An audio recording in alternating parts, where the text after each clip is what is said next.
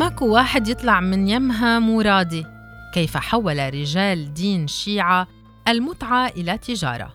بنين إلياس. متعتك ابنة أخي لثلاثة أيام. قال الشيخ لعمي طالبا منه أن يرددها خلفه. كان عمري وقتها ثمانية أعوام. وبعد خروج عمي استفرد بي الشيخ وطلب مني أن ألعق لسانه. كان حجمه أكبر من حجمي بثمان مرات. لم أكن أدرك ما يحدث. انقطع صوتي وهمس في أذني. حبابة أنت وتسمعين الكلام. ثم خلع ملابسه وشلحني ملابسي. ثم راح يمرر عضوه الجنسي على جسمي. وطلب مني أن ألعقه مثلما ألعق الآيس كريم. انتقل بعدها ليضاجع فخذي. وقد رأيت مادة بيضاء تخرج منه. تروي آية 23 سنة من بابل لرصيف 22 وهي تبكي. هي تبكي بسبب أو من دون سبب إذ لا تفارقها مأساة طفولتها الكئيبة ولا يغادر مخيلتها مشهد الشيخ الخمسيني الملتحي وهو يقهقه بصوت عال كلما تمنعت عنه ويتمايل بكرشه الممتلئ. حدث ذلك قبل تسع سنوات تقول آية التي امتنعت عن إظهار لقبها واكتفت باسمها الأول حين دخل عليها عمها شقيق والدها المتوفى إلى دارها بعد أن كانت أمها قد خرجت في الصباح إلى عملها منظفة في مدرسة قريبة. كنت خائفة جدا وأتمنى أن أقص لأبي ما حدث لي لكنه متزوج في الجنة مثلما أخبرتني أمي وقد شاهدت بأم عيني نعشه تقرع له الطبول. في ذلك الوقت لم أكن أتجاوز سن الخامسة. كنت في مرحلة ما قبل المدرسة. بعدها بأيام واستجابة لإلحاحي على معرفة أين أبي ولماذا أمي ترتدي الأسود دائما؟ قالت والدك ذهبا إلى الجنة. تقول وتكمل حديثها وهي تتلعثم وتتأتئ صعوبة في النطق. بعد فترة انتقلنا إلى محافظة كربلاء وعمي التحق بمكان والدي مقاتلا مع القوات المسلحة الخارجة عن الدولة والتي تزعم بأنها تحارب الدواعش بحسب قولها. فجأة وبنبرة صوت حادة تصرخ مرددة عمي من فعل بي هذا ومن أجل المنصب. فهو يترفع بأجسادنا وأمي عاجزة عن فعل شيء من أجل لقمة العيش ودفع الإيجار وحتى لا تعود تحت وطأة إخوتها. استمر الحال هكذا من دون توقف حتى أنهم في سن الثانية عشرة في ربيع 2018 زوجوني من شاب مقاتل في صفوفهم سرعان ما طلقني بعد سنة. تضيف أكره جسدي بشدة فهو مغطى بكدمات الجنس ولا أستطيع الجلوس من ممارسة الدبر المتكررة. فالجميع يضربونني ويجانسونني بالقوة. أتمنى الموت لكني أخشى الانتحار. تقول آية التي كانت تتمنى لو يعود والدها إلى الحياة ويشتري لها لعبة باربي ويصحبها إلى المدرسة التي لطالما وعدها بتسجيلها فيها كلما مر بجانبها سابقا. ما جرى مع آية ليس النهاية بل البداية البداية فقط. من الصعب الخروج من هذا العالم بعد دخوله. فهم يحركون عقول أولياء أمورنا بأيديهم خصوصا بعد أن تزوج عمي من أمي حديثا فهو يهبني أحيانا لرفاقه في العمل للمتعة من أجل مجاملتهم. لكنها تشير إلى أنها مؤخرا ارتبطت بمؤسسة جديدة لديها فروع في سوريا وإيران تدفع لها ولزميلاتها مبالغ مادية جيدة إزاء ممارسة المتعة. إذ كانت آية ضحية مباشرة لرجل دين فثمت ضحايا كثيرات غير مباشرات. بدأت مشكلتهن عند رجل دين أيضا. مينا اسم مستعار 24 عاما من محافظة النجف الأشرف. طالبة في جامعة الكوفة تقول إنها ارتبطت بشاب في الجامعة. رفض أن نتبادل الحديث في الحب في بداية علاقتنا. وبعد إصرار منه طلب مني أن نتزوج متعة من أجل ممارسة الجنس من الدبر. لأنني عذراء. كان رفض الموضوع صعبا جدا برغم أني غير مقتنعة. حبي جعلني أوافق. تضيف بعد أن وافقت ذهبنا إلى شيخ في أفرع النجف القديمة وتم عقد النكاح لمدة ثلاثة أشهر. وكان الشيخ قد أخبر خليلي بأن لا يسلمني أي ورقة إثبات على هذا النكاح لأن لا داعي لذلك. تتابع قائلة إنه في أحد الأيام وخلال لقاءاتهما الحميمة اشتدت عليهما الرغبة فأصواتهما الممزوجة بالقبلات في الشتاء القارس أفقدتهما السيطرة على الممارسة ففض بكارتها. من هنا بدأت معاناة منى بعد رفض خليلها القاطع برم زواج دائم وكان في بعض الأحيان يتحجج ويؤجل الموعد وبتقصير مني بعدم استخدام مانع حمل نافذ الصلاحية كانت نتيجة الحمل إيجابية وبعد معرفته بالأمر أخبرني قائلا لن أتزوج بفتاة تزوجت متعة أنت مومس وأقفل هاتفه وانقطعت أخباره وتركني أواجه مصيري وحدي. تجربتا آيا ومينا مع رجال دين شيعة ليستا يتيمتين فزواج المتعة في العراق غالبا ما يتم عبرهم وبحضورهم ومباركتهم وفي أحايين كثيرة يقومون بأكثر من ذلك بكثير. علي أبو ليث 26 عاما تحدث إلى رصيف 22 عن تجربته مع رجل دين بعد زيارته المدينة القديمة في محافظة النجف يقول بعد الاتصال بيني وبين مكتب لتنسيق زواج المتعة طلبوا مني زيارتهم وبعثوا إلي العنوان مع كلمات الترحيب والتهليل.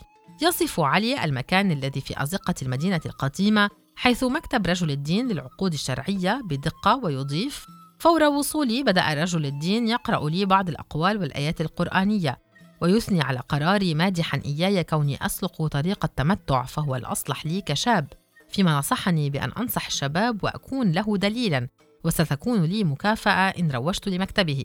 والمكافأة فتاة يتم تزويجها لي متعة بالمجان بحسب قوله وسأكون عنده معميمل باللهجة الدارجة وتعني زبون. يكمل علي حديثه بأن رجل الدين قال له ما يناسبك؟ هل زواج متعة شهري يومي أم نظام الساعة؟ ويسترسل في رواية ما حصل معه. فجأة نادى رجل الدين بصوت عال شخصا يعمل برفقته يدعى أبو فتك يطلب منه عرض صور الفتيات وظروفهن. ليتقدم شخص يرتدي الدشداشة وهو جلباب طويل وفي يده مسبحة يستخفر بها وعلى جبهته أثر التربة أشبه بالوشم على شكل قرص دائري دلالة على كثرة الصلاة لدى الشيعة. وبدأ يعرض صور نساء مطلقات وأرامل وفتيات في الجامعة ويتحدث بصوت خفيض قائلا شوف هذه ماكو واحد يطلع من يمها مو راضي. قاصدا بحديثه الفتاة. وبعد اتصال أجراه بسيدة ضرب على كتفي قائلا قوم شوفها بعينك تعجبك كان يعمل ما بوسعه لإقناعي بفتاة. وطوال الطريق راح يحدثني عن الفتيات اللواتي في حوزته. بين الأزقة القديمة عمارة شبه متهالكة ورائحة مياه الصرف الصحي الكريهة تنتشر في المكان. صعدنا سلما أوصلنا إلى شقة مكونة من غرفة ومطبخ تأكل الرطوبة جدرانها وفي وسط الغرفة تجلس فتاة صغيرة بدينة الجسم لم يتجاوز عمرها بحسب ملامحها الاثني عشر سنة. ذات شعر مصبوغ بلون البرتقالي تغطيه بشال ويظهر القليل منه. لم تتوقف عن طقطقة أصابعها فقد كان يبدو عليها أنها قلقة جدا. فيما بعد عرف علي أن الفتاة من عائلة مكونة من ستة أفراد يدفع الشيخ بدل إيجار بيتهم ويقوم بتأمين حاجياتهم بالكاد وجبة واحدة يوميا مقابل جسد ابنتهم الصغيرة. انتهى حديث علي. ينظر المجتمع العراقي وفي المناطق الشيعية تحديدا إلى النساء اللواتي يعملن في المتعة على أنهن بغايا شرعية. فمقابل الجنس لمدة ساعة واحدة تأخذ مبلغا من المال والمكتب المروج لهذه التجارة له نصيب من المبلغ المالي المتفق عليه. أبو سارة 30 عاما من بغداد عميل لمؤسسة مختصة تدعى الإيمان تقع في القاذمية. يقول إنه يلجأ إلى المؤسسة لتبرم له عقود المتعة فقد يحصل على الجنس هو ورفاقه مقابل مئة ألف دينار عراقي في الساعة. عدا حساب رجل الدين الذي أحيانا نكرمه بالهدايا. وتختلف أسعار النساء بحسب العمر والجسم فكلما كانت صغيرة وذات أعضاء جنسية ضيقة يصفها لنا رجل الدين كانت أغلى سعرا يقول الشاب الثلاثيني. ويضيف رجل الدين يطلب منا الحضور إلى مكتبه من أجل أن يعرض علينا صور النساء ويصف لنا أجسادهن وقابليتهن على تحمل الجنس فهو أكثر دراية ببضاعته. مثلا إحدى الفتيات لا تستطيع الممارسة الجنسية لمدة ساعة متواصلة أو لا تقوى على الجنس أكثر من مرة في الساعة أو تتوفر لديه فتاة لها قابلية على تحمل تكرار ممارسة الجنس خمس مرات ومتواصلة وممتعة في الوقت نفسه. وهي للعزاز أي لمن يدفع له المال أكثر. كما يقدم رجل الدين بدوره النصائح والمشورة لزبائنه مثل ما ينقل أبو سارة لرصيف 22 فلا نبرم عقدا على الورق أو عبر الهاتف أو في رسالة من أجل أن لا نكون قد وقعنا في المصيدة أي من أجل أن لا نترك مستمسكا يؤخذ ضدنا مع الوقت. لذا إبرام العقد يكون في المكتب وتحت مشورته. يضيف برغم أني أتزوج من نساء يعملن في المتعة إلا أنني لن أفكر في الارتباط بهن رسمياً. فهن ذوات سمعة سيئة وأرفض رفضاً تاماً أن يتزوج أحد من أفراد عائلتي بهذه الطريقة. لا تعد ممارسة المتعة لدى رجال الدين تجارة أو عيباً بحسب قول أبو علاء 35 عاماً من محافظة كربلاء. فهو يعمل في عقود المتعة والعقود الدائمة. يقول لرصيف 22 هذا الأمر جائز شرعاً فالرجال بحاجة إلى الجنس للحفاظ على شهواتهم والنساء بحاجة إلى معيل سواء كن مطلقات أو أرامل. ونحن بدورنا نتكفل بالتعارف وتعليمهم الأمور الشرعية وما هي واجباتهم تجاه بعضهم البعض. ولم نخرج من السياق الديني بل ننصح الشباب بأن يسيروا على هذا الطريق ولا يزين الشيطان لهم علاقات الحب والغرام. فالحلال موجود والمتعة موجودة في الدين الإسلامي. ويوضح في مكاتبنا تزورنا النساء بحاجة إلى الأموال والأسباب عدة. نعرض عليهن زواج المتعة. وهن حرات في أمرهن. ونحن متعاونون مع النساء إلى درجة أننا لا نأخذ منهن عمولة بل نسهل عليهن حياتهم والأموال نأخذها من الرجال فقط. ويضيف فيما يخص البنات الصغار. إذا وافق والدها على تمتعها فلا إشكالية في ذلك. فنحن لا نخرج عن الشرع. ويشدد على أنه حتى القانون لا يحق له التدخل في عملنا فهو حلال ومذكور في كتبنا ونحن نسير في السليم. يؤكد الباحث المجتمعي والمدافع عن حقوق الإنسان علي كمال أن زواج المتعة هو تجارة بالجنس ورجال الدين يغلفون هذه التجارة تحت مسمى المتعة من أجل ألا تتشوه صورتهم الدينية. فهم بحاجة إلى استفراغ شهواتهم المكبوتة وشذوذهم فيرمون شباكهم ويزعمون بأن المتعة حلال. ويذكر أن هذا الزواج ينتشر بين الطبقات الفقيرة بنسبة أكبر خصوصا بين أرامل مقاتلي الميليشيات. فالقيادات تقنع الرجال بالحرب والجهاد وكسب الجنة وحين استشهادهم يتبادلون زوجاتهم مقابل إكمال معاملة الراتب أو من أجل علبة حليب لطفلها وبعض المواد الغذائية لتطعم أبنائها. ويشير إلى أن المراجع الدينية لها دور كبير في تجهيل المجتمع. فالقنوات الدينية تبث برامج عدة تحرم الحب والعلاقات العاطفية والشراكة وفي المقابل تبيح أجساد النساء مقابل ساعة جنس مقابل مبلغ مالي. ومن خلال مزاولته عمله في الدفاع عن حقوق الإنسان يرى أن رجال الدين حين يريدون امرأة ما يجدون ألف حيلة وحيلة من أجل أن يظفروا بجسدها حتى وإن كانت متزوجة. وقد رصدنا خلال عملنا في محافظة النجف الأشرف حيا سكنيا كاملا يسمى حي الشوافع تسكنه عوائل فقيرة تسيطر على هذا الحي وهي أشبه بالعصابة يقودها قيادي في إحدى الميليشيات يدعى أبو أكرم. استغل نساء الحي المتزوجات والعزبات للزواج بالمتعة من أجانب ومن محليين ومن ترفض هذا الاتفاق يتم ترتيب تهمة كيدية لها وتطرد من المنطقة هي وعائلتها. وهكذا تم تهجير خمسين عائلة. يوضح مكتب المرجع الأعلى للشيعة السيد علي السيستاني على موقعه الرسمي في كتاب النكاح أن المتعة وهو النكاح المنقطع كالنكاح الدائم في توقفه على عقد مشتمل على إيجاب وقبول لفظيين فلا يكفي في وقوعه مجرد الرضا القلبي من الطرفين كما لا تكفي على الأحوة وجوبا الكتابة ولا الإشارة من غير الأخرس والأحوة لزوما أن يكون عقده باللغة العربية لمن يتمكن منها. ويكفي غيرها من اللغات المفهمة لمعناه في حق غير المتمكن منها وإن تمكن من التوكيل. وقد ذكر شروطا عديدة أهمها ذكر الوقت المحدد. نكحتك لمدة ساعة أو سنة بلا ذلك يكون الزواج دائما. ويشترط ألا يثبت بالنكاح المنقطع توارث بين الزوجين ولو شرطا التوارث أو توريث أحدهما. لا تجب نفقة الزوجة المتمتع بها على زوجها وإن حملت منه ولا تستحق من زوجها المبيت عندها. ومن شروطه على الزوجة أنه يحرم عليها الخروج بغير إذن زوجها.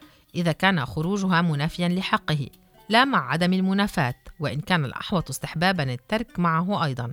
ويوضح ذلك المكتب الإعلامي للسيد علي السيستاني من خلال ممثلية الشباب ومن خلال البرامج التلفزيونية. فيقول رشيد الحسيني عبر برنامجه الأسبوعي إن المتعة حلال وهو زواج شرعي تم تشريعه في القرآن الكريم وهو زواج جائز ولا يوجد دليل لتحريمه سوى أن الخليفة الثاني عمر بن الخطاب حرمه. ويؤكد الحسيني أن زواج المتعة هو المتنفس الوحيد للشباب.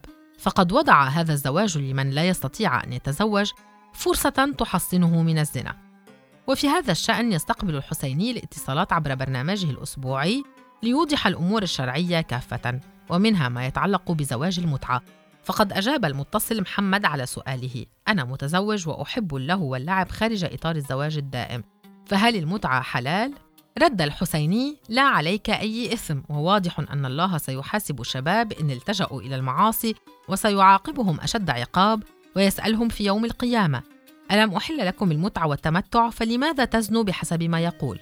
وفي سياق تمتع الرضيعة يقول الشيخ ياسر الحبيب إنه لا يوجد مانع من إجراء عقد متعة مع رضيعة بموافقة ولي أمرها فيتمتع بها من دون فض بكارتها موضحا أن الشريعة لم تذكر عمرا محددا لعقد المتعة أو عقد القران ويجوز للمتمتع بها أن يقبلها ويلمسها ويضاجعها من دون فض بكارتها. وينتشر زواج المتعة في المناطق الشيعية في العراق وخصوصا بعد إزاحة النظام السابق لأن مجلس قيادة الثورة كان يعاقب على انتشاره. بعد السقوط انتشر بشكل كبير في الجامعات وفي مواقع التواصل الاجتماعي ومن يقوم بترويجه هم رجال الدين الشيعة.